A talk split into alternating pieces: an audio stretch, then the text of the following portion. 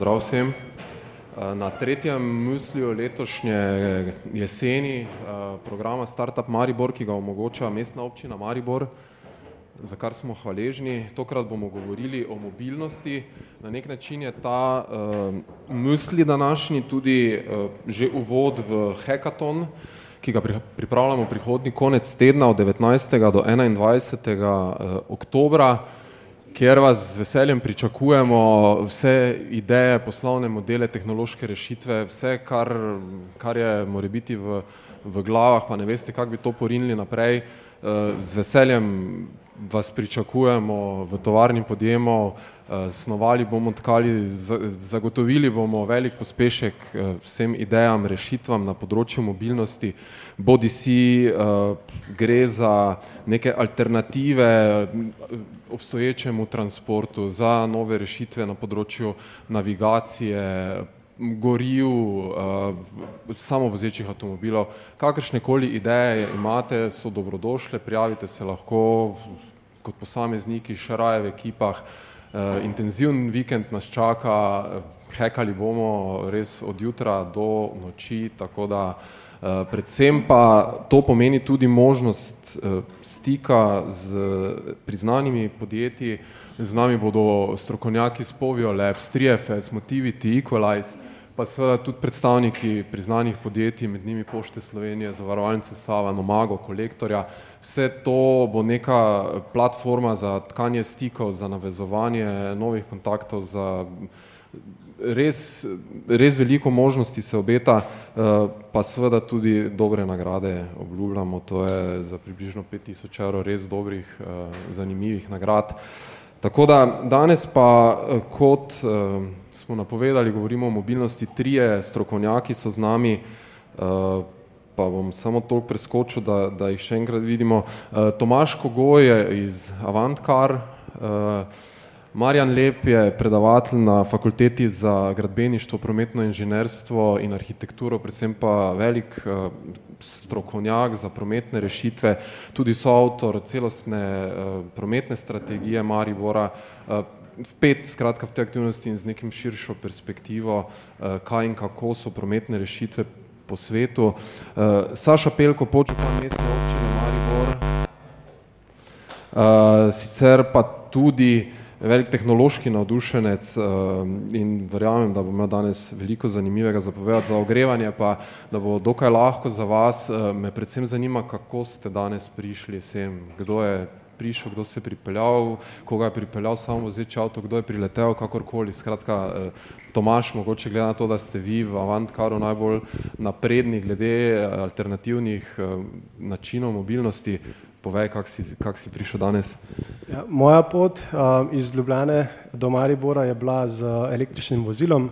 Prišel sem s Teslom modelom S, možnost je že avtopilota, tako da en del poti je lahko že avtonomna vožnja, ampak predvsem je treba biti še zmeraj zbran, sedeti na voznikovem sedežu pa imeti tudi roke na volanu. Ampak je pa veliko pripomočkov, ki pripomorejo k sami lažji vožnji električnega avta.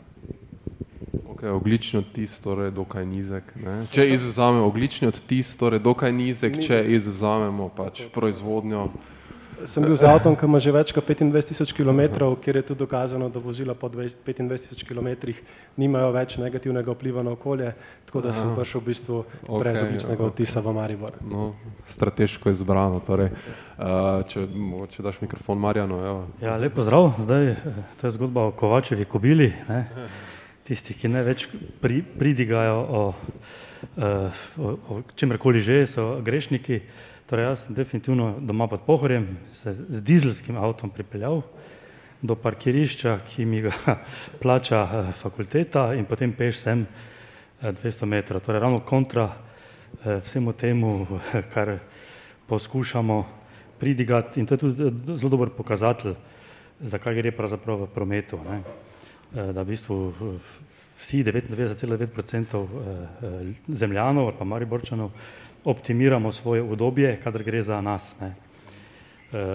Smo pa seveda polni idej, kako bi bilo boljše, če bi bilo drugače. Ja, jaz sem doma v centru mesta, zato sem prišel sem peš. Imam pa eno zanimivo izkušnjo, jaz sem se dejansko prvič srečal z Avantugo, torej s car sharingom, ne. Te anekdote nisem skoraj nobenemu še povedal, da bom danes mogoče priliko lahko povem. Mi imamo v bistvu na občini, jaz sem bil prej bom rekel podjetnik, pa sem bolj navajen preko akcije, ampak ko vidiš v občinsko to javno kolesje javne uprave, tam gre vse bolj počasi, ne, in takrat jaz rečem, dajmo neke električne avte nabaviti, to ni to, mora biti najcenejši, to, to, to, to so postopki taki in drugačni, dragi so itd.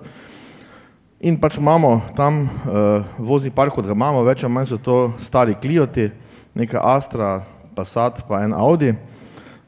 In potem pač, ko grem kam na teren, ko imam kake obveznosti, navadno vzamem kakega Golfa, včasih Astro, včasih Audija, ampak v glavnem pa vzamem Golfa, ne. In nekega dne decembra, ko je bilo vse ful zasedeno, ni bilo niti Golfa niti Astre, bil pa en Clio, tak beli čisto najbolj sklumpani Clio, tak sem izgledal kot davčni inšpektor, tisti ima bele Cliote, ne. Res tak ni fajn, no, nočem biti spaz nekako snobovsko, ampak res tisti tisto tisti avto komaj kaj, ne, pa december je bilo tako malo hladno, ampak okej, ni problema, sem že pred tem vozil z njim. Grem na eno otvoritev ene firme v Mariboru, kar pomembne, Comtrade, saj pa to poznate tisti, ki ste v računalništvu, ne, tam v, tam, ko je doli bivša svila na Pobrežju, visoko IT-podjetje, visokotehnološko, jaz sem tam povabljen, jaz pa pa veleposlanik Srbije, ker je to srbski kapital. Pridem jaz tja, ena od mnogih obveznosti, tisti dan pridem tja, kličem jaz, kje je to, ko sem prejšnji dan bil, ne, reče: "Tu vas čakamo, tukaj imamo posebej za vas plac rezerviran, ne." Pridem mimo, tam vidim rdeča preproga, dve Tesli S parkirani, ne, jaz pa v enem belem Cliotu, meni nerodno postalo tam, ne. In sem peljal naprej, sem nekaj, bom rekel, na skrivaj parkiral, prišel tja, sem rekel: "Okej, tam drugje sem parkiral, ne." In sem pol razmišljal, ne, mislim, mi nimamo niti avta na občini, ki bi neki statement izražal, ne, dajmo neki mali avto, električni, ali smo ekološki, niti nekega takega, ne, kot bi bil recimo Tesla S, ko pač pomeni neki prestiž, ne. In pol slučajno na istem dogodku srečam tam ene inženirje, ki razvijajo pri Comtradu software za Avanto go, ne. In jaz vidim, sem pa že Avanto go poznal in sem rekel: "Vi morate v Maribor priti, ne, mi rabimo na občini to, mislim, meni je zdaj, ne, nekaj moramo izvažati, nekaj takega, ne." In pol navežem stik, povabim in zadeva je res hitro stekla, postopki so stekli in lani julija meseca je že bilo v bistvu otvoritev tega Avanto go, in jaz zdaj recimo redno uporabljam, jaz sem centru doma, mi je to dokaj dostopno in večkrat raje uporabim kot pa svoj avto, ne. Ampak ravno to je pa tisto, ne, ko sem videl, ne, da nekaj od tega, ali imam nekaj izražam, da sem ekološki, ali kaj bi rad, ne, mislim to s Cliotom, starim sklumpanim nič ne izražaš, to, to je, mislim, ne, žalitev za okolje, bom rekel, no, če ne drugega. spreminja se, ne, v bistvu tudi v glavah ljudi, ampak še vedno pa velja, statistika ne laže, Slovenci smo po številu registriranih vozil v samem vrhu, ne. Tudi po po višini izdatkov za osebno mobilnost na gospodinjstvo smo, kotiramo zelo visoko. Navezani smo še vedno na avtomobile, ne. Koliko se recimo z z z mlajšo generacijo to spreminja, verjetno avto danes ni več tak simbol svobode, kot je bil, ne vem, trideset let nazaj za eno drugo generacijo recimo. Zdaj, pri takem sistemu, kakor smo se ga šli mi, je dejansko zelo pomembno to, da prva stvar, ke začnemo spreminjati, je miselnost. Mi smo sistem idejno predstavili pred enimi štirimi leti, potem smo šli v fazo razvoja, ampak tekom vsega tega časa smo mi pripravljali miselnost ljudi na to nekaj novega, da prihaja neka noviteta, predvsem pa smo želeli narediti mobilnost dostopno vsem. Dejstvo je, da se danes vsak ne more voziti v novem avtu, vozila so dejansko draga, kakršenkoli avto si kupiš, če gremo danes v salon pa kupimo avto, nas ta avto mesečno, tako kot ste rekel, stane veliko, veliko denarja, je res, da en del tega ne občutimo, da občutimo šele, ko prodajamo, ampak smo želeli narediti neko dostopno storitev z novimi vozili, šli smo tudi korak naprej, da smo predstavili prvi car sharing sistem izključno stoprocentno električnimi vozili, v tem vidiku se tudi razlikujemo pri vseh ostalih ponudnikih car sharinga v celem svetu.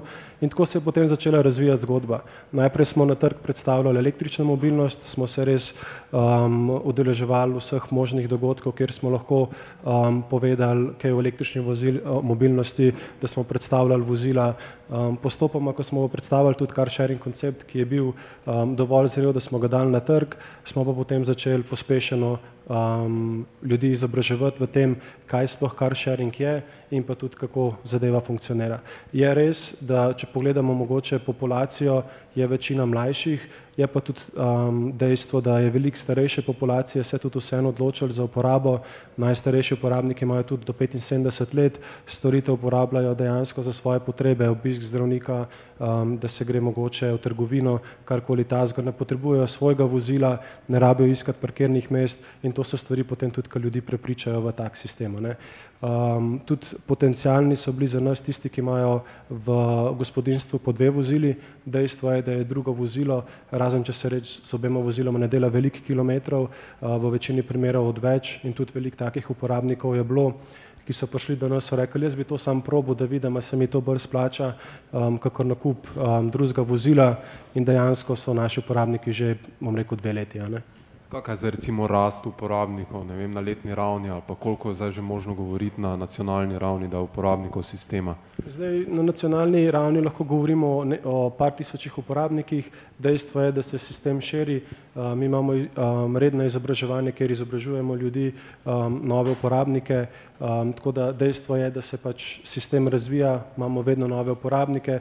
Če čez teh točnih analiz, pa točnih številk, pa nimam podatkov. So med njimi taki, ki so prodali svoj avto recimo in skoraj uporabljajo car sharing? Veliko je takih. In sicer predvsem, tako kot je gospod Pelko rekel, dejstvo je, da če živiš v mestu, je dejansko odgovor za tvojo mobilnost car sharing. Zakaj? največji problem, ki ga imamo v iskanju v mestu, je samo parkirno mesto. Že če samo pogledamo, središča so prenatrpana z vozili, parkirna mesta, tisti, ki bi jih mogli uporabljati, jih ne dobijo, zaradi tega, ker so zasičena z drugimi vozili. Tudi uporabniki, ki so prodali svoja vozila, so prišli do nas in rekli, jaz imam svoj avto, pa ga raj cel teden ne preparkiram, se vozim raj z vašimi vozili, samo zaradi tega, ker polka pridem svojim nazaj, moram parkirišče iskati pa ure. Ne? In tudi tak uporabnik je potem na koncu prodal svoje vozilo, zračunuje svoje letne prihranke pri sami mobilnosti in je ugotovil, da lahko ženo pele na en orang dopust za ta denar. No, to je zdaj že recimo lahko istočnica za načrtovalce mest, ne Marjan, koliko je izziv eno staro mestno jedro, kot je Mariborsko, recimo, prilagoditi na nove alternativne načine mobilnosti? Torej, mesto ni težko prilagoditi, ne. E, težko je prilagoditi e, ljudi. Ne.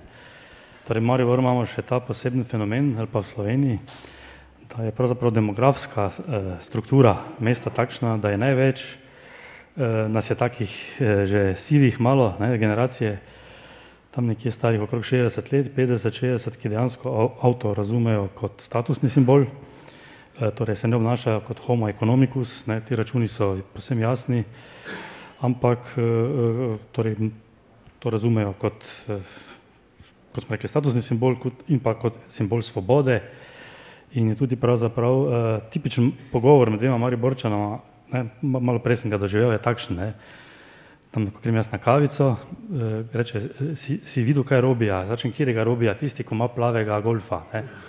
In v Mariboru se identificira dejansko 78% ljudi, eh, torej kako gre Jože, to super, ker si, ma, sem videl, da ima nov avto, ne?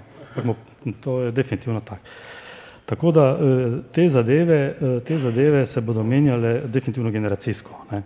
Ti odpori proti preurejanju središča, eh, se ne bodo zgodili z prepričevanjem, ampak z tem, ne, uh, ko sem gledal tu populacijo, tu prisotno, ne, so bolj ali manj, ne vem, če še kdo sil, ne. To je ta generacija, ki verjetno s tem nima več težav in bo podprla tudi na volitvah, ne, uh, tistega, ki bo, uh, ki bo mestno središče napravil prijazno za drugačno obliko, kot pa za avtom od vrat do vrat. Uh, je pa dejstvo, ne, da je če demografsko krivuljo pogledamo, spet največje število voljivcev, kaj smo tik pred volitvami, ne, ravno, ravno uh, ta generacija, ne, ki, ki pravzaprav uh, temelji na, torej napredek je enako cesta, napredek je en, en osebni napredek je avto, uh, napredek države, mesta je pa cesta, obvoznica, krožišče, parkirišče, garažna hiša in to se, to je kar sinonim, to je ena na ena, ne, torej ni, ni drugega napredka, kvečemo še kakšna delovna mesta, ki je Pri delovnih mestih je pa spet, delovna mesta so pa v avtomobilski industriji, pa v, v gradbeništvu, ne, Tako da imamo kar težave. Neki paradoks to, v bistvu. Kadar hočemo reči, da to bi radi ukinjali. Ja, ja omejevali, pa, pa seveda ravno tu še vedno gospodarstvo torej največ. Ja, z uravnoteževanjem te enačbe, ja. trajnostnega razvoja, pa delovnih mest in tako dalje, uh, to, imamo težave. Uh, poskusi v Mariboru so bili, vemo, uh, ta vidva sta bila predvsem aktivno vpeta pred tremi leti v zapiranje in odpiranje Koroške ceste, recimo. Ne. To je bil sicer na nek način se zrca, zrcalo nastavilo, se ne vemo pravzaprav komu, ne? ampak od, na vse strani se zdi, da je, da je odzrcalo odraz tega mesta, uh, kaj, kako dalje, recimo, to so, to so banalnosti, zdaj, ko govorimo o neki vizionarski mobilnosti prihodnosti, so to banalnosti, da tako cesto odpre, odpremo za ljudi, zapremo za promet, ampak kljub temu v bistvu, kaj lahko tri leta potem rečemo, recimo, strokovnega vidika, z političnega vidika, eh, kaj, kaj, kaj so zaključki? Torej, samo eno, mogoče celo anekdota, eh, ki si rekel, da je treba lahko, lahko malo bolj sproščeno. Ne. Uh, jaz mislim, da imajo tu vel, res veliko krivdo, ali pa uh, vlogo medije, ne krivdo, vlogo. Ne. Uh, zelo tipičen uh, dogodek je bil ne 14 dni nazaj, ki je bil istočasno pri eh, osrednjem dnevniku iz Ljubljane. Ljubljani, o super, eh, preuredili bomo Trubarjevo, Trubarjeva bo dobila novo tlakovanje, novinari so pred mikrofon povabili take elegantne mlade Ljubljančanke, ki so rekli, ki so rekli, o super, ne, tu bo zdaj super za kolesa in tako dalje. Ko se isti dogodek zgodil v Mariboru, so bili pred mediji izključno samo ogorčeni Mariborčani. Ne. Torej, že selekcija, kako se to posreduje, je, eh, je zelo tipična. Ne. Strašni zastoj, Ljubljani so strašni zastoj v resnici, ne. ampak na mediji, v medijih boste videli samo zadovoljne kolesarje in nasmejane obraze in županom na čelu. Ne. In tako dalje. V Mariboru imamo ta fenomen tudi, ne, da se uh, ne vem, zakaj točno, potencira okay. nek problem, ki je problem za kar dosti posameznikov. Ne. Tako da to, je iz, to se sicer ni strokovnega, ne, to je bolj z političnega ja, vidika. Strokovno pa se ve. Ne. Uh, Uh, jasno je, da eh, taka uh, sprememba v mestnem jedru bo povzročila težave, za katere spet ta ista večina Mariborčanov meni, da so, da so nespremljive, se pravi daljše poti, zastoje, uh, ogorčenja in tako dalje za, za tisto glasno večino, uh, za glasno, morda celo manjšino prebivalstva. Ne. Tisti tihi podporniki, v glavnem jih, jih ne pridejo do izraza, do medijev, na kakem takem forumu ja, ne, Eh, drugje pa eh, težko. No, predvsem tu se mi zdi, zdaj nagovarjamo generacijo, ki je mogoče to bliže, ne, ki je recimo v enem takem zaprtju ulice za promet prepoznala ravno potencial za neke svoje aktivnosti, ki so danes bolj v spredju, kot pa recimo to, ne, ceste, promet, mislim, avtomobili. Tako da, eh, ne vem, kaj pa z političnega vidika, recimo, Sašo, tri leta kasneje? Ja, takrat sem se mi odločil iti neko, po nekem načelu postopnosti, da ne, bil, odpor javnosti je bil prečejšen, uh, zapreti praktično v neko istočasno Koroško cesto in Lent in govorili so o nekih uh, epilogih, kaj bi to pomenilo, neki zamaški, kaj zvem kaj. Sem se pač odločil, gremo po postopnosti, najprej uh, se uredi Lent, vidimo, kaj se zgodi s prometom, kasneje potem se postopoma lahko pogovarjamo o Koroški cesti, ker ravno to je problem, kot je prej povedal Marjan, da uh, iti nek revolt delati po nepotrebnem, ne, uh, lahko povzroči več škode, veliko pa sami ljudje, kot pa sam končni učinek. Ne. Če gremo po nekem postopno, lahko pride do učinka. Vse recimo imamo primer v lanskem letu cesta zmaga, če spomnite, ne, velik odpor govorilo se o tistih, da bo tam ne vem koliko dreves posekanje in tako naprej. Eh, danes so ti eh, občani iz ceste zmage zadovoljni na tem, kaj je nastalo. Eh, tam pač nismo potem šli v skladu z njihovimi željami tistih, tiste inicijative, ampak danes vidim, da smo prav naredili. Druge večje spremembe, ki so pa sami mestni jedro, pa mislim, da morate res postopoma step by step in pridemo do neke rešitve, ker na dolgi rok vsi vemo, da center mesta pač treba očistiti avtomobilov. Ne?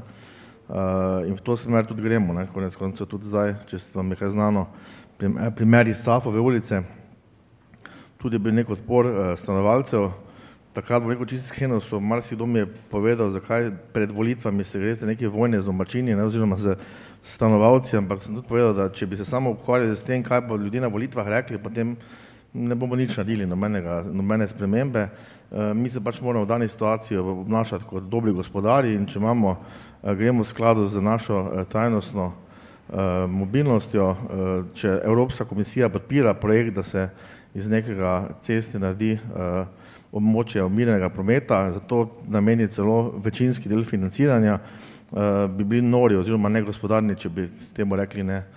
Je pa res, da bo pač nekaj stanovalcev tam v bližini izgubilo tistih na nek način zagarantiranih parkirnih prostorov preko dovolilnice, ampak gledati moramo malo širše na tiste ljudi, ki tam samo živijo, ampak na uporabnike tega mesta, ker pač center mesta ni, ni, ni spalno naselje, ampak je mesto spalno naselje nekje druge. Ne. To, pač, to so tiste točke, kjer včasih treba reči, da pa zdaj pa je dovolj, ne, ne moramo, ampak na primeru Koroške pa res bo zadeva malo še mogoče prehitra takrat, ne, in da gremo po vrsti zdaj na vrsti lent, pol pa se dalje pogovarjamo, no. No, hvala, pa k malo bolj optimističnim še recimo temam, ker te, te bolj znemirjajo, pa zdaj manj.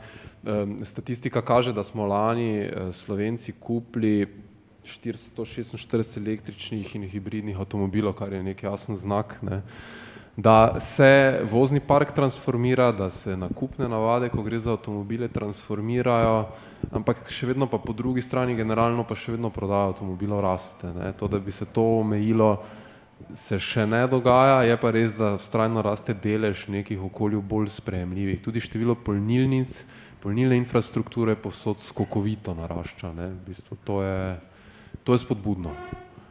To je definitivno spodbudno, mogoče kot zanimivost.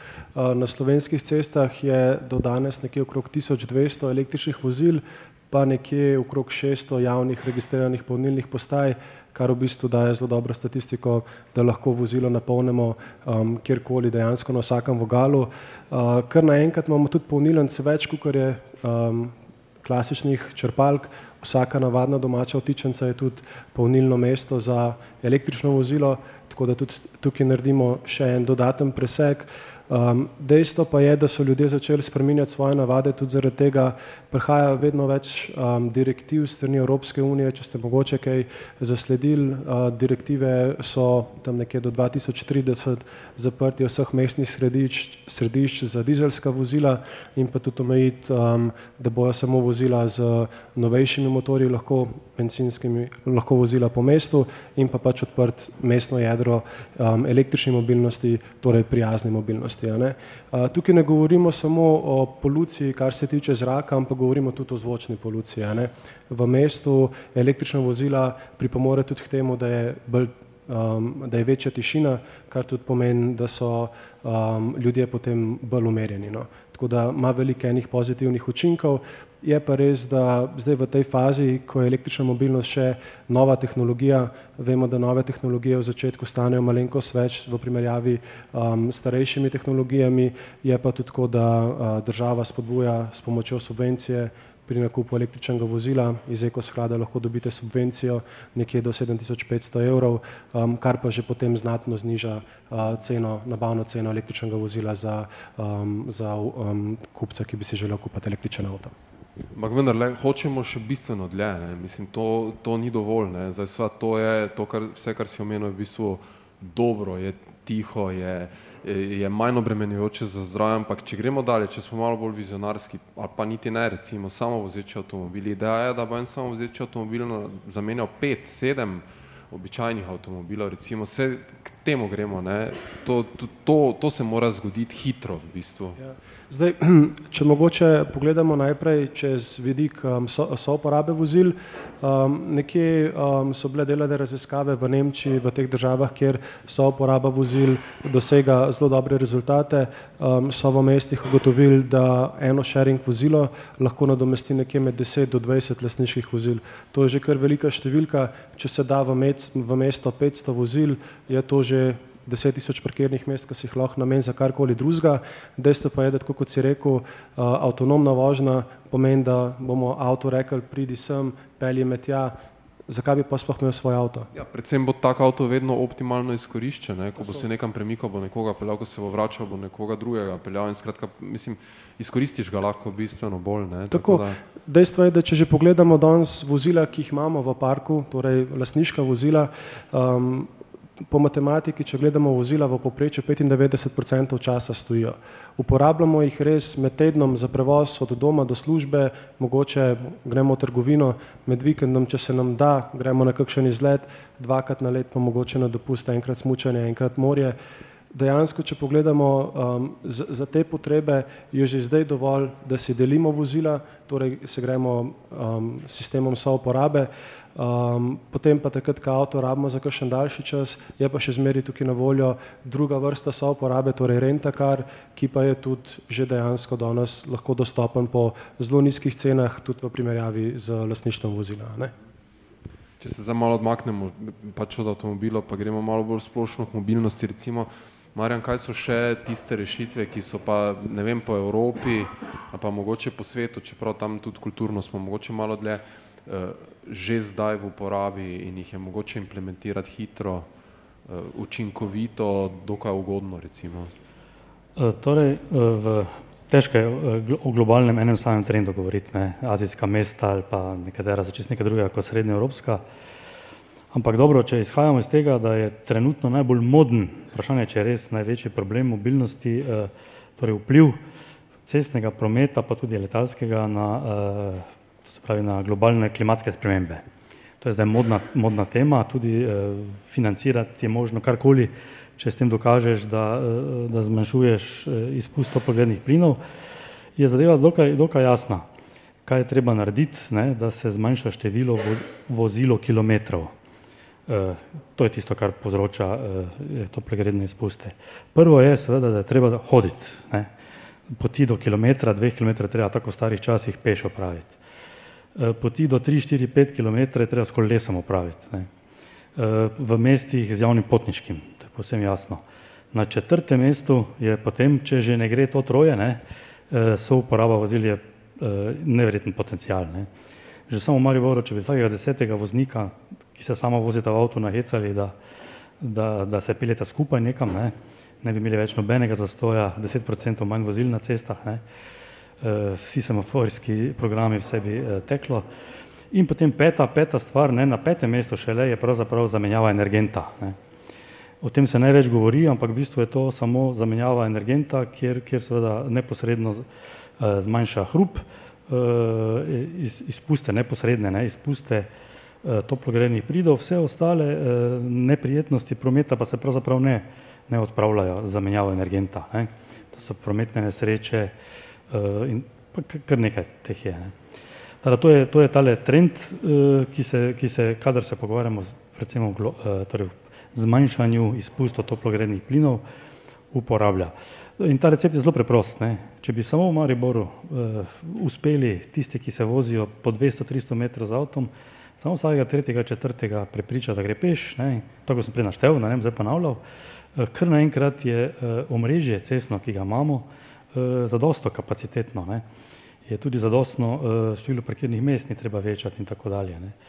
Narodno je, da seveda na daljinskem prometu pa seveda eh, imamo drugo zgodbo, tam pa želimo napraviti mesta dostopna, ne. povečati, da bi ja čim več ljudi privabili in problem urbanizma v mestih je pravzaprav kako narediti to transformacijo iz visokokapacitetnih avtocest daljinskih, ki jih želimo, gradimo, ne, v, v mesta sama, kjer ljudje živijo, kjer pa ne želimo ve, imeti več avtomobilov. Ne. In ta, ta prehod, eh, tu se potem ločijo uspešna mesta od neuspešnih. Ne. Dokot spuščajo avtomobile v mesto, pa skozi mesta, ki jih prestrežejo na, na, bolj, eh, na druge oblike prevoza. Tako nekako. Ne. Um, razmišljam ne, o, o tem, da uh, človeštvo izumlja vedno neke nove rešitve, to je zdaj, zdaj brezmejno. E, idej, kaj in kako je mogoče biti mobilen v bistvu, ampak na nek način se zdi, da je skozi vse to se zgodilo, da svet je postal mobilen, človek je pa vedno manj mobilen, ne? na nek način. Mislim, če ga gledam skozi to, recimo, danes ti lahko drom pripelje kosilo, recimo, ki si ga naročijo v oni eh, gostilni ali pa ne, niti ne rabiš stati za računalnika, ampak šel boš pa potem boš pa plačal, ne vem, 6 evrov na mesec za to, da boš hodil v fitness ali da boš, ne vem, hodil laufat. Eh, kup nekih paradoksalnih situacij, s katerimi se srečujemo, ne. Se pravi, ta, eh, to, kar, se, kar si zdaj omenil, to, je, to, to tudi mi izmerimo, ne, ker imamo tele eh, analize potovalnih navad. Ne. In uh, zmotno prepričanje je, ne, tako se v starih knjigah piše, da tisti, ko so nad 65, se nehajo uh, dosti gibati okrog, ne, mladi pa se dosti gibajo. Ne. Najnovejši uh, tile uh, meritve ali pa opazovanja pokaže ravno nasprotno. Ne. Uh, torej generacije, tako kot sem jaz, pa še malo starejši, uh, ostanejo mobilni tam do 80. leta, medtem ko mladina, pa uh, tako smo mi ne premislili celo pri prvih teh analizah, da, da, da, da imamo metodološko napako. Ne. Mladi do 30 let opravljajo bistveno manj poti pa kilometrov na dan eh, kot eh, penzion, mladi penzionisti in tako dalje. Ne. Tada ta trend je prisoten, ali je to dobro ali je slabo, to je sociološko in tako dalje, se da o tem razpravljati. Vsekakor je eh, za zdravje eh, škodljivo. Ne. Tale, eh, zasedenost eh, mladih generacij, eh, prekomerna, kaj se reče, telesna teža in tako dalje, vsi ti indeksi so, eh, so eh, torej, neposredno vplivajo na zdravje. Ne. Tako da ti trend, ne, neke stvari se spreminjajo. Ne. Mi v prometnem planiranju vedno rečemo, poskušamo ugotoviti, kaj je konstanta, kaj se ne spreminja skozi čas, skozi stoletja, kaj pa je tisto, kar se spreminja. Ne. In zmotno smo nekaj časa mislili, da je recimo število potovanj, čas, ki ga človek eh, na dan nam nameni potovanjem, willingness to pay, se pravi pripravljenost plačati za mobilnost približno 20% svojih prihodkov, je nekaj, kar je, verjamemo, da je konstantno skozi čas, to se ne spreminja, kaj dosti, se pa rahlo spreminja. Ne. E, bistveno se pa seveda spreminjajo e, dolžine potovanj ne. in zelo težko napovedujemo trende. Ne. Vprašanja vedno, ki se od novinarjev pojavijo, pa tudi študentov, je, kaj bo čez deset let. Ne. Če bi šli malo nazaj raziskovati, bi videli, da so absolutno vse, vse napovedi, tudi od poštenih strokovnjakov, so bile napačne. Ne. Ne, če bi šli iz leta 70 gledati neke šelove študije, vse narobe. Ne. E, da bo zmanjkalo nafte pred 20 leti, ni je zmanjkalo, ne, to smo mi se v šoli učili osnovni. Torej, napovedi so napačne, ne, ne samo iz, e, iz lumpari, tisti, ki jih delajo, ne, ampak iz enostavno ne, ne znamo vseh parametrov kakovostno oceniti. Saša, kako bi se tehnološki navdušenec v tebi lotil recimo tega paradoksa, ki sem ga omenil, ne, te nemobilnosti človeka v mobilnem svetu, pa tudi vezano na vse napovedi, trende, ki so in jih ni? Težko vprašanje. Ne? Meni je že to interesantno, ne, ko govorimo o spremembi potovalnih navad, da nekomu rečeš, nekaj bomo tudi spremenili, pa bo treba iti peš. Ne? To je tu bogokletno, ne, tega, če to nekomu rečeš, podobno si misli, da si daš novce z njega. Ne. Uh, zdaj, en primer povedal, recimo, no, ko je bil za tri tedne, mislim, da Koroška cesta zaprta pred temi leti, ne, tesno zaprtje, takrat je župano poslal en občan mail, da zahteva, da mu plača, ne vem, 75,6 evra uh, neki račun, zato ker on zaradi tega, ker mora iti okolje okolje v neki poteh do svoje službe, doma, kaj zim kaj, uh, toliko več denarja poraba za benzin. Ne. Uh, in to pač, ne, kaj se mi tu gremo. Ne. Zdaj vemo, da če gremo v neko tuje mesto, smo vsi lepo ponižni, parkiramo nekje, hodimo tam par kilometrov, slikamo vse, smo zadovoljni, hvalimo, kaj fajn plačamo parkinino 20 evrov, brez problema. Tu pri nas bi bilo pa vse takoj ne, na dohvat ruke, po domače povedano. Uh, jaz vidim upanje v m, generaciji, ki prihaja. Ne. Uh, jaz tudi upanje v tem, da uh, v smart urah, ne, ki nam, ki, s katerimi tekmujemo, da je več hodili, ne, ki mi reče, zdaj pa čas, da moče malo hoditi, zdaj je čas, da jim odtekati. Ne. Uh, jaz upam, da je vsaj tu nekaj male, kar nas bo spravilo v neko, neko dodatno gibanje, ki je, mislim, da vsi potrebujemo. Uh, poleg tega pa to, da če, če parkiram, pa hodim, ne vem, kilometre, kilometre, pol, da to ni neki big deal, ne, pa če tako malo časa organizira, pa bo to to, ne. Je pa to res uh, velik izziv. Ne? Jaz mislim, da tu imamo težko, kdorkoli od nas, nek dober odgovor. Ne? Uh, ampak jaz mislim, res prememba potovalnih navad, ki bo trajala nekaj časa, da pač ne moremo več priti parkirati pred vhodom v kavarno, pa potem iti tako nazaj. To je enostavno pač mora postati realnost. Ne. Če v tujini, da zadeve delujejo, ko gremo v grad, včasih se spomnim, smo šli po Jakomini mu da reče tam centru, smo tam parkirali, zdaj tam niti več nisem blizu, ne moreš priti, ne. Uh, pa je to normalno, ne, pa grad se vedno postavljamo kot nek primer neke napredne občine nam za zgled, ne, ampak ko pridemo od tega, pa potem pa vsak svoj okoli svojega vrtička, ne, tu je moje dvorišče, tu je tak, ne, tega ne dovolim. Uh, to je zelo, zelo velik izziv, ne, ampak bomo morali po, postopoma uh, se s tem soočati, ker drugače se bomo zadušili v tej, tej počevini. No. Sem se spomnil še nečesa, ne, recimo, ne, nijamo te dimenzije, se mi zdi ljudje, da problem je tu iti peš, pa tja peš, pa ne, zadnjič na tržnici me nabranijo, kaj jamra, ja, pa kak je slabo, pa ni prometa, pa veste, to je problem, ker se ne da parkirati, pa tu zgore ta, to ploščad bi morali narediti za avtomobile, pa sem rekel, ne, to, to je narobe, mislim, zakaj? Ljudje lahko parkirajo dolje v garažni hiši, pa še ugodno, en evro stane na uro. Vse, če bodo tu gori deset jih bo parkiralo, pa bodo za cel dan pustili, ne boste imeli nič več prometa za to. Ne. Ja, ja, vse to imate mogoče prav. No, ampak, kar sem hotel reči, problem je iti po mestu peš, pa vsak reče danes, Mariboru se več ne da parkirati, ne, ampak seveda, ker ne upoštevajo, da pa če plačaš, lahko še vedno marsikje parkiraš, res je, da bistveno pač je teh parkirnih mest manj, kot jih je bilo nekoč. Ampak recimo v enem nakupovalnem centru človek prehodi načeloma bistveno večje razdalje, kot pa bi jih prehodil tukaj znotraj peš cone, ne? ampak nima te perspektive, ne? mogoče to manjka, mogoče, Tomaž, boste pa morali začeti razmišljati o nekem car sharingu za, za shopping centre ali neki novi, neki novi poslovni model boste verjetno lahko razvili tudi za to, ne? Um, zdaj tukaj mogoče lahko uh, pri tem uh, povem, da uh, naš car sharing je station based, kar pomeni, da zaenkrat imamo lokacije že vnaprej določene in lahko uporabniki samo na teh lokacijah prevzamejo avto. Ne. Uh, tukaj že spodbujamo uporabnike, da uporabljajo tudi mogoče kdaj javni promet, da pridejo do najbližjega vozila ali pa če imajo lokacijo 500 metrov stran, 1000 metrov stran, da se pač do vozila sprehodijo.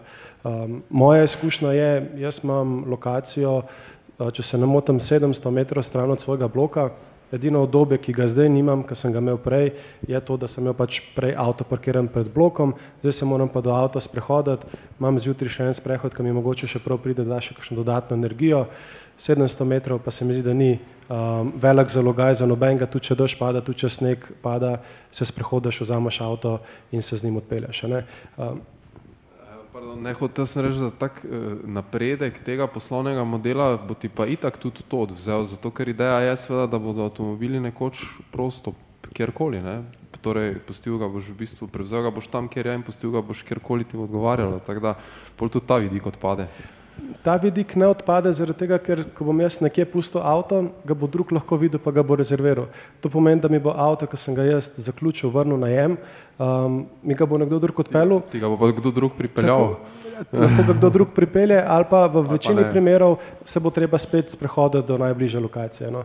Um, glede na to, da, da vidim, kako ostali um, sistemi souporabe funkcionirajo, je tako, da tam, ko pridemo do točke proste souporabe, um, čim se eno vozilo zaključi, ima že takoj nov najem. Uh, tako da to je sistem, ki je živ in tukaj dejansko nimaš vpliva. Mogoče kdaj imaš srečo, da te avto počaka, ampak mislim, da nekje v 60% se boš pa mogel sprehoditi do drugega vozila, no, tako da boš mogel narediti nekaj zase. No, vse to, o čemer zdaj govorimo, v bistvu temelji tudi na aplikacijah, na pametnih napravah. Ne? In to je, pravijo strokovnjaki, da ravno to je na nek način to, kar daje svobodo današnji generaciji. Mogoče bodo lahko udeleženci tu danes eh, povedali, se strinjali, pa ne, če imate kakršno koli vprašanje, se kar oglasite, dobite mikrofon, bomo z veseljem odgovorili na njega. Ampak če je nekoč veljalo, da je torej um, simbol svobode, avtomobil, danes pa je velja, da je to pametni telefon, zato ker preko tega lahko si naročite hrano, naročite prevoz, ne vem, nakupite oblačila, ne vem, vse lahko pravzaprav zrihtaš, ne, to se pravi, brez da bi se ti bilo treba kam premakniti, ne. Zdaj, zmeri bolj se pojavlja v svetu povezljivost, torej vse stvari povezati med sabo, tudi mobilnost, taka, ki jo poznamo danes, čez deset let, čez deset let je ne bo več. Uh, mobilnosti kot storitev se zdaj v svetu zelo, um, zelo pogosto uporablja, uh, mobility as a service, kar pomeni, da dejansko uporabljaš mobilnost samo takrat, ko jo potrebuješ in tudi samo takrat za to storitev plačaš. To je zmeri komplementarno z vsemi ponudniki storitev, to ni samo zdaj car sharing, pa renta car, pa najem vozila, pa karkoli drugega, ampak še zmeri zraven je javni prevoz, železnice. Mogoče kot primer lahko rečem, um, da gremo v Ljubljani, se z LPP-jem pripeljem do železniške postaje, tam grem na vlak, ko pridem v Maribor, pa lahko rezerviram car sharing, pa se odpeljem k babici na kosilo. Pa je dejansko vse preko ene aplikacije na telefonu in pa ko zaključim z vožnjo, se samo pač ta moja vožnja računa in to je to, kar sem jaz imel s tem za upraviti, s tem, da nisem imel nobene skrbi, a imam registriran avto, a imam vinjeto na avtu, a imam zimske gume na avtu, um, kako je z mesečno, sem jo plačal, a nisem plačal, a me bo um, strojevodja na vlaku lovil, zato ker nisem karte plačal. Noč, to je dejansko vse potem pride s tem, da vse skupaj povežemo v eno stvar. Ampak očitno to lasništvo še ni toliko obremenjujoče za večino ljudi, ne, ne vem, kakšne so vaše izkušnje, Marjan, ni, ne. To je posem, jaz se to rezultati Spremeš to, ne, s tem, da se te pač... tabele to lepo kažejo, ne, imamo neki 500 do 600 vozila, koliko že na ja. tisoč prebivalcev, kot v Kaliforniji, ne, in tako da to je povsem jasno, da človek ne funkcionira kot uh, homo economicus, ne, to, to se da izmeriti, ne. Kaj, ampak kaj, ker recimo denar, če človeka udariš po žepu, ne, posod drugot načeloma velja, da bo spremenil svoje navade, pri mobilnosti pa ne. Ja, to je, to je zanimivo, ne, to je fenomen. E, torej, mi temu rečemo v teoriji, ne, da imamo tako imenovani utility maximizing, ne, torej maksimiranje obdobja. Je pravzaprav v mobilnosti najbolj prisotno, pa še v kakšnih drugih sferah. V vseh ostalih eh, elementih življenja se obnašamo kot eh, homo economicus, se pravi, da je čutimo največje odobje, če nekaj naj, najceneje opravimo, če ne, najcenejši, mislim, v akciji kupimo kruh ali pa eno drugo tretje, vse računamo na minimum stroškov ali pa na razmerje med stroškem in koristmi. Ne. Pri mobilnosti tega ne, opažim, ne opažamo, ne pa še pri kakšnih drugih bolj takšnih eh, netehničnih zadevah. Ne. In to je dejstvo. Zdaj, to se bo verjetno spremenilo, jaz mislim, za generacijsko. Ne. To je definitivno generacijsko. Ne, ta generacija, ki tu sedi, zanesljivo ima čez druge, čez druge vrednostne sisteme v glavi, druge metod, eh, kar se reče, postopke odločanja o tem, tem, tem, tudi manj eh, odpora do nekih novih tehnologij eh, in To je posebno jasno. Se to tudi recimo na fakulteti zdaj drugače izobražujete? Zdaj, ne, če govorimo vem, o prometnem inženirstvu, pa to prej reko, industrije so še vedno močne, ko govorimo o gradbeni ja. infrastruktura. Ne, to se pravi, se mora že začeti v bistvu v izobraževalnem procesu nekaj spreminjati. Ne? Torej, jaz, tu sem kar, eh, kako bi rekel, mi je kar blizu situacija. Zdaj, v čem je problem? Uh, Ve se dobro, ne? Ti, vi lahko, ne? na univerzi smo kao avtonomne, uh, in same sestavljamo študijske programe, bolj ali manj jih bolj verificiramo. E, problem je, da ni problem v študijskem programu, problem je v človeku. Ne? Spravi, če nekdo v glavi izžareva e, vrednostni sistem, da je najbolje in edino zveličavno e, graditi ceste, kar se na gradbeni fakulteti dogaja, to nehote prehaja na študente. Ne? Čeprav so to vsi e, super kolegi in tako dalje, ampak ta vrednostni sistem kdaj se komu oči zasvetijo, kdaj neko kaj razlaga, ne, to se eh, prenaša. Ne. Tako da naši študijski programi so boljši, kot, kar se tiče trajnostno mobilnosti, kot recimo danski ne, rezultati. Pol vrednostni sistem študentov, ko grejo v službe ali pa v privatnem življenju, pa so še kar drugačni. Ne. Ali je to narobe ali prav je spet stvar debate, ampak je to zelo očitno. Ne, zelo očitno. Saša, kaj pa eh, zakonski okviri, recimo, ko smo v vseh teh spremembah, o katerih govorimo, koliko recimo ste zdaj že tudi v tem mandatu ali pa v prejšnjem na občini naleteli na težave ali pa koliko enostavno je mogoče neke spremembe implementirati, ne? Se, se že tudi občina mogoče kaj vedensko spremenila? Ja, kot sem že prej povedal, jaz sem bolj človek akcije in poprideš to kolesje, ne? Uh, si malo šokiran, kakšne omejitve so. Imam primer, recimo, mi smo zdaj v zadnjem času ogromno novih avtobusov nabavili.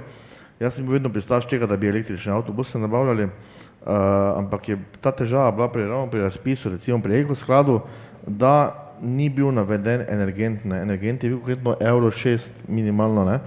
Euro 6 je tudi dizel, ne. Euro 6 je lahko tudi CNG, Euro 6 je lahko elektrika. In logično, ko gre razpis, naj je najcenejši bo vedno dizel, ne. In pol dobimo mi res moderne avtobuse, ampak dobimo dizelski, z dizelskim gorivom. To smo dolgo rabili, da smo prepričali ministrstvo, ne, ki je pač imelo razloge, da je taki razpis dalo, da se niso tega dali, ker niso vedeli.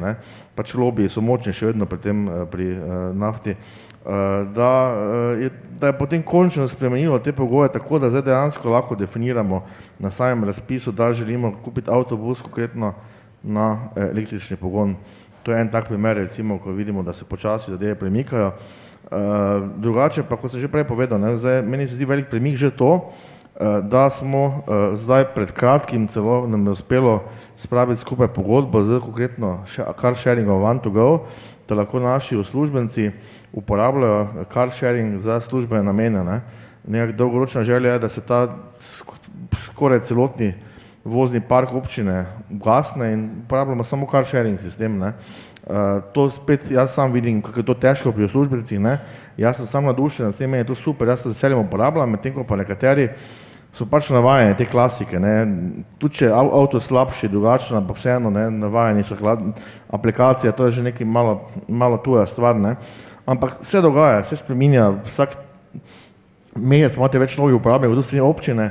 In dolgo, na dolgi rok se ti sigurno to bolj splača, ima boljše avte, varnejše avte, čisto, bom rekel, ekološko boljše avte, pa še ceneje na koncu, ne, to je tisto, kaj je pomembno, ne, ni, občina nima stroškov z zavarovanjem, z zimskimi gumami, z vsem možnim vzdrževanjem, kaj pač je, ne. Pa še to, ne, na koncu, ko sem na začetku govoril, s takim avtom pridem z veseljem na neki dogodek, ker s tem izražam, da mi je mar do okolja, ne. Pa še, bom rekel, prišparam javni denar, medtem ko sem pa takrat prišel s tistim cliotom, ki pa ogromno stane, jaz nisem mogel vedeti, koliko ta clio stane na letni ravni občino, ker pač kar je staro, stane dosti pol v tem primeru, ne. Pa še slabo deluje. Tako da ja, se tudi tukaj zadeve premikajo, je pa pomembno, da se na to redno, redno opozarja, ker pravega tistega premika čez noč ne bo dovolj, tu imamo tudi oporo fakultete in Marjana, ki nam tudi dosti pri teh zadevah pomaga, ampak tudi vidi, ne, če pogledamo s perspektive desetih let, je ogromno narejenega, se mi zdi, ne. Zdaj iz leta v leto pa niti ne tako, jaz sem že vesel to, da smo od lani do letos podpisali pogodbo za za One2go in da že imamo neke uporabnike, ne. Čez par let pa upam, da res mogoče bo čisto občinski vozni park enostavno samo še v car sharingu, no. Pa moramo biti tudi za zgled občanom seveda, ne. Se pravi, da se boste vi tudi lahko s teslami začeli voziti recimo, ne, veš, tako kot Tomaž.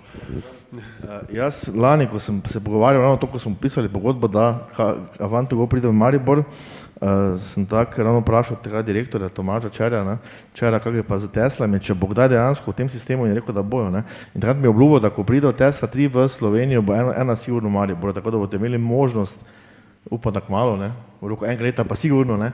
Definitivno. Ja, tudi v tem sistemu car sharinga uporabljati Teslo tri, ne, tako da to ne bo samo tiste, ki imajo debele denarnice, ampak tudi za navadne občane. Najprej mora Tesla tri priti s proizvodnega traku, pol ko bo, ko bodo tam rešili vse probleme.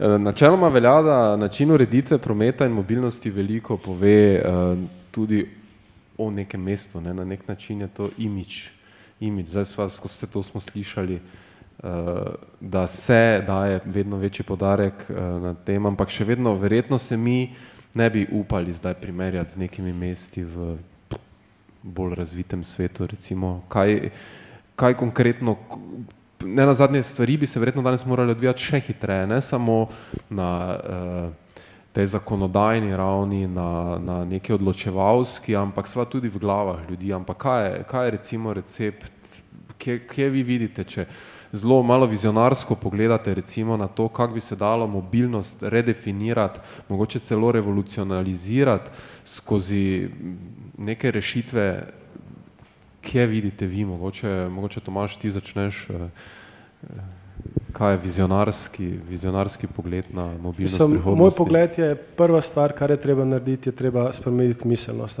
Tako kot smo se že na začetku pogovarjali, bistvo je to, da imam jaz boljši avto ko sosed, jaz sem se tukaj pogovarjal že z velikimi ljudmi, pa sem rekel: "A pa vas ne boli bolj, da vsak dan pridete domov z drugim avtom?"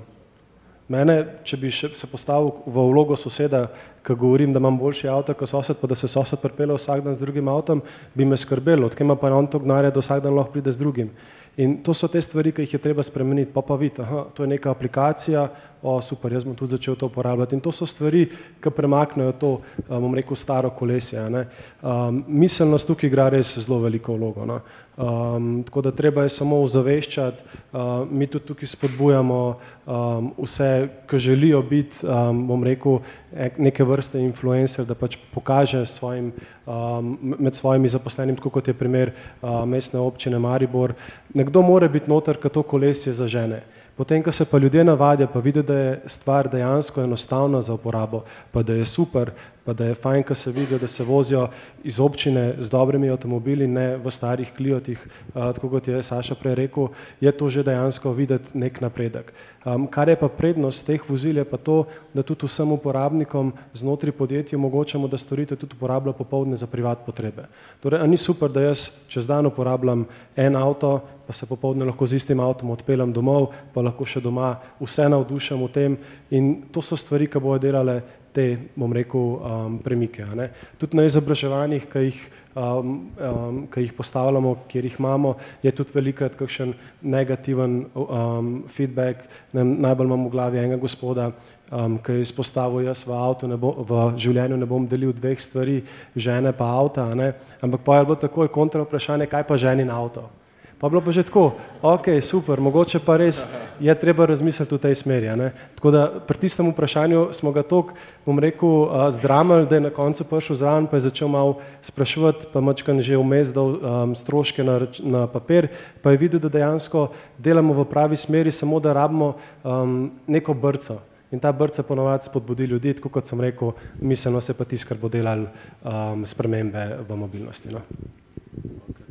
Marjan, zelo vizionarsko. Ja, da bi vprašanje, če je vizionarsko, če znam jaz dovolj vizionarsko se še obrniti, ampak nasplošno lahko rečem. Torej, mesta, Maribor ima to posebnost, v glavnem je to nekaj slabega, ne, da pravzaprav zadnjih deset let ni rasto, celo število prebivalcev rahlo pada, število aktivnih prebivalcev delovnih mest rahlo pada, in, torej prebivalstvo se stara, torej ni, ni doživel pravzaprav pravih problemov mobilnosti. Ne v, ne v smislu zastojev, ker pravi zastoj malo drugače gledajo kot to, kar se v Mariboru dogaja, ne v smislu torej, kakovosti zraka in torej vseh teh tegob, ki jih ima sodobna mobilnost.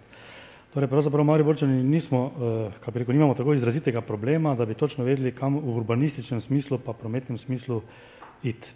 Drugače pa nasplošno v Evropi, vsaj v srednji Evropi ali pa tudi zahodnji Evropi, so točno tri, tri odgovori na, na te izzive mobilnosti v mestih. Ena, en odgovor je, torej um, um, ker je na en površini mesta ni dovolj prostora hkrati za vse, ne, ki bi se želeli gibati po prostoru, ne glede ali z električnim avtom, ali z dizelskim ali peš in tako dalje. Prostora ni, torej nekoga je treba omakniti. Tam nekje do, do 70-ih, 80-ih let smo umikali pešce, pod zemljo smo delali podhode in tako dalje. Ne. Sodobna, sodobna mesta, ki so dovolj uh, drzna in imajo tudi dovolj sredstev, uh, avtomobile zdaj umikajo pod zemljo, ne, delajo podzemske uh, tunele in tako dalje, ker na avtomobilih vendarle uh, temelji polovica rečemo, aktivnosti tudi gospodarske, če ne še več. Druga mesta uh, začnejo potem intenzivno razvijati kolesarski promet, Kopenhagen je taki tipičen primer, v kombinaciji z javnim potniškim, ampak uh, kolesarski tam, tam ni kompromisa. Za kolesarje je treba zagotoviti prostor, če pa je slučajno že kaj ostane, pa za avtomobile. Tretja je pa seveda intenzivni razvoj javnega potniškega prometa, kot Zürich je taki tipičen. Ne. Tam pa je spet avto, avtobusi, tramvaji si prižigajo semaforje, ne, ko se približujejo in sploh ni problem, če zaradi tega nastane zastoj na, za avtomobiliste, pač eh, nastane. Ne.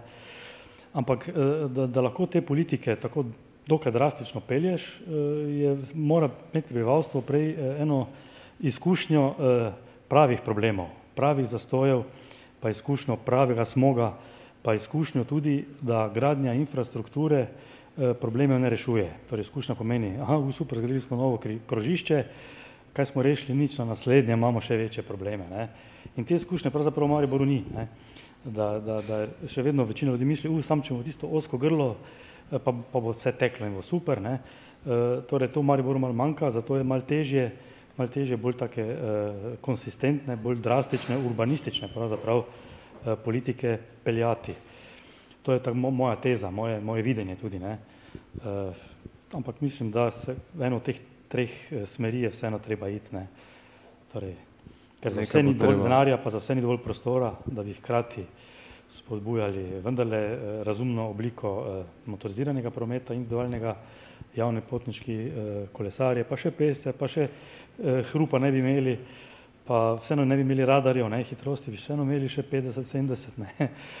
In to, to ne gre, ne, to se izključuje, to je posebno jasno. Ne. Ampak še vedno, ne, zdaj na nek način se dela vse na tem, da bi se to eliminiralo, negativne učinke takih oblik transporta. Ne. Po drugi strani se razvija, ne vem, leteči avtomobili, Eh, recimo neki nadzemski eh, lebdeči, kvazi lebdeči, ne vem, javni potniški promet pa to, ampak eno z drugim se na nek način izključuje, ne, se potrebe povsem pa ne bo. Verjetno, ne, ker uh, to pa spet, ne, človek ima končno število premikov na dan, ne, torej tudi končno število kilogramov hrane poje in tako dalje, torej ni pričakovati nekih m, strašnih dvigov potreb po gibanju mase, ne, uh, ali pa uh, kiš, uh, kaj se reče, vina, piva in tako dalje, krompirja, ne, ker to so končne količine. Ne. Tako da, ker Maribor ne bo imel drastične eh, rasti prebivalstva, torej migrantov nočemo, tujcev ne nočemo, eh, sami se staramo, nimamo eksplozije prebivalstva, eh, torej ne pričakujem eh, tu težav z, z drastičnim povečevanjem eh, ob, objektivnih potreb po premikanju znotraj mesta. Ne. Eh, Zdaj pa seveda eh, dokaj dost, eh, dost uh, idej je, tih vizionarskih, vprašanje, če sploh vizionarske, je seveda premik, premikanje robe, odpadkov, pa dolgoročno tudi kapsul po, po ne, kot hyperloop ali pa po tubah. Torej smeti se dajo brez težav že dati pod zemljo, ne več nad zemljo voziti in jih paketno pospravljati. To nizozemska ima že take rešitve. Tudi uh, uh, tovorni promet bi se dal pod zemljo spraviti, po, po, po ceveh, ne. Uh, seveda tudi ljudi, ljudi ne. vprašanje, če bo Maribor, če bom jaz to dočakal, ne. to je drugo vprašanje. Tada ideje je seveda dost. Ne. Če je potreba recimo v takem mestu, ne, kaj verjetno bo to zelo odvisno od velikosti tudi Tako, ne, potreb. Če je problem dovolj drastičen, kar jih Maribor pravzaprav ni trenutno, ne. Torej ni takoj pijoče, ne bo pijočega problema, da bi, da bi uh, o takih investicijah resno razmišljali, ne, če smo odkriti. Saša, vizionarsko. Jaz mislim, na dolgi rok eh, lahko reči, da treba se imeti miselnost, ampak v praksi je to eh, res tek na dolge proge. Uh, jaz imam mene primere, recimo, ko želimo na kratki rok kaj spremeniti, lahko dam primer, recimo, uh, Maribor, Maribor ima eno inštitucijo, ki se reče NK Maribor in ko so večje tekme, tam je vse zaparkirano okoli, ne. Uh, Eh, zdaj po eni strani je to logično, ljudje hočejo biti tekmo, po drugi strani pa tam eni stravovalci dejansko nimajo, imajo zapakirane svoje avtomobile zaradi tega, ne. In to, to, tega ne more biti. In takrat smo se mi odločili, kako zadevo rešiti, da ne bi ustvarjali nekih dodatnih konfliktov, smo ponudili uh, vsem, ki hodijo na tekmo, grejo na tekmo, da njihova stopnica za nogometno tekmo hkrati pomeni brezplačno stopnico v tem času za uh, javni potniški promet, se pravi za avtobus. To pomeni, da ni več uh, izgovora, da češ mora biti na tekmo, lahko greš na tekmo, parkiraš mogoče celo na pobrežju, pa brezplačno prideš do tekme in nazaj eh, z avtobusom. Seveda, kljub temu je bil nek revolt, ampak s časoma so ljudje to domeli in so kar začeli uporabljati te zadeve. Ne. Ni ni to bilo masovno, ampak s časoma bo to uporabljali in tudi na tak način se plovila javni, javni potniški promet. Ne. Tudi to recimo, uh, zdaj uh, samo ljudem reči, pojdi peš ali pa ne, ne uporablja avta, je težko, če ni neke alternative. Ne. Zdaj mislim, da ravno ta car sharing, ki se tukaj uvaja, trenutno je samo na levem bregu Drave, še ko bo šlo na desnega, bo to en velik preskok uh, s temi postajami. Uh, če ima ljudi možnost uporabe takega car sharinga, je že potem tista alternativa obstaja. Ne. Uh, mogoče ni tista, ki vsak zamišlja, ampak je. Uh, zdaj tudi smo v fazi priprave, da uvedemo še bike sharing, ne. podoben sistem, kot pač imajo v Ljubljani. Uh, tam je zadeva že razširjena, že nekaj let in zelo uspešna. Uh, teda, ko imel občan možnost uh, svojo pot uh, ne, se, se premikati po mestu delno z car sharingom, recimo za tisti par kilometrov, za par tistih sto metrov pa z, z kolesom, vse na principu sharinga, bo že lažje razumel tisti naš, bom rekel, ne, nalog, da ne uporablja avta svojega. Ne, in bo tudi lažje razmišljal, da moče celo ga proda, ne, vse tiste drugega, če ne prvega prihiše. Teda, mislim, da moramo neke alternative ponuditi, Eh, da lahko ljudje začnejo razmišljati drugo smer. Eh, ne moramo pričakovati, da bo to zdaj čez noč masa ljudi začela to uporabljati, ampak počasi se zadeve premikajo. Eh, je pa res, tako kot Marjan, je Maribor malo specifičen, pravih prometnih zamaškov si tu ne znamo predstavljati, to so zamaški, ko po dve uri stojiš ne, in dejansko pot v službo pomeni tak pet ur v enem istem mestu, to pa je potem čist ena druga zgodba. Takrat pa si pripravlja marsikaj požreti pa iti skozi to. Ampak jaz mislim, da kljub temu uh, moramo v to, smer, to smer iti. Uh, ne moramo pričakovati, da bo ljudje temu ploskali. To pa boje ploskali na dolgi rok, na kratki rok pa definitivno ne. No. Super, najlepša hvala za vse poglede. Kako vprašanje iz publike na temo mobilnosti, na to, kako se bomo premikali, bomo leteli, hodili, se prevažali? Če ni, potem bi se jaz uh, našim današnjim gostom zelo lepo zahvalil za, za vse misli in poglede. Naj vas še enkrat spomnim, če imate kakršne koli ideje, uh, ki bi jih želeli razvijati. Še en teden dni je časa do danes teden za prijavo na hekaton, potem se intenzivno družimo drug uh, konec tedna, danes teden pa tukaj uh, spletne urice. Tako da hvala vam, adijo.